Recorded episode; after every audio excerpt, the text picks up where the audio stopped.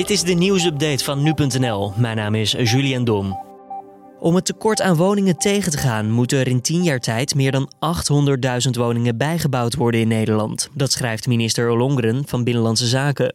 Momenteel is er een tekort van ruim 330.000 woningen. En dit tekort zal nog zeker vijf jaar oplopen om daarna pas voorzichtig te dalen. Het kabinet ziet graag dat er jaarlijks minstens 75.000 woningen bijkomen. En vorig jaar werd dat aantal ook ruim gehaald. Vanwege de coronacrisis en de stikstofproblematiek zakt het aantal nieuwe woningen echter dit en volgend jaar drastisch.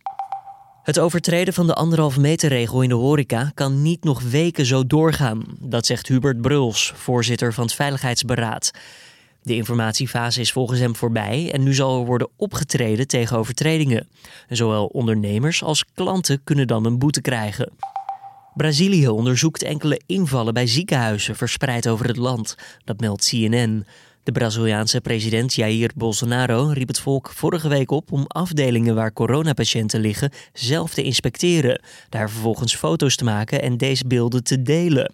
In onder meer Sao Paulo en Brasilia vonden op 4 en 9 juni invallen plaats bij ziekenhuizen.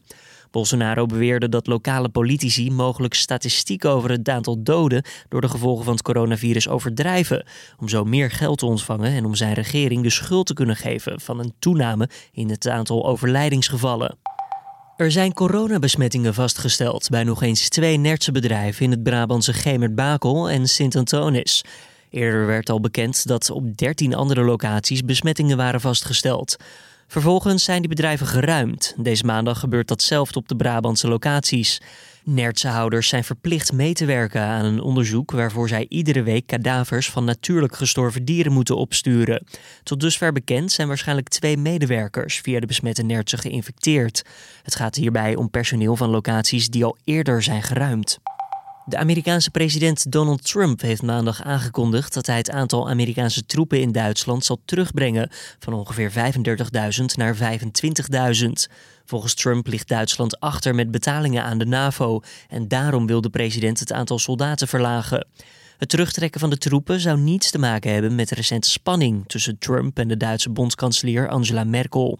Merkel dwarsboomde eerder deze maand het plan van Trump om een G7-top te organiseren, waar alle landen fysiek bij aanwezig konden zijn. In plaats daarvan zal er een top via videoconference worden gehouden. En dit was dan weer de nieuwsupdate.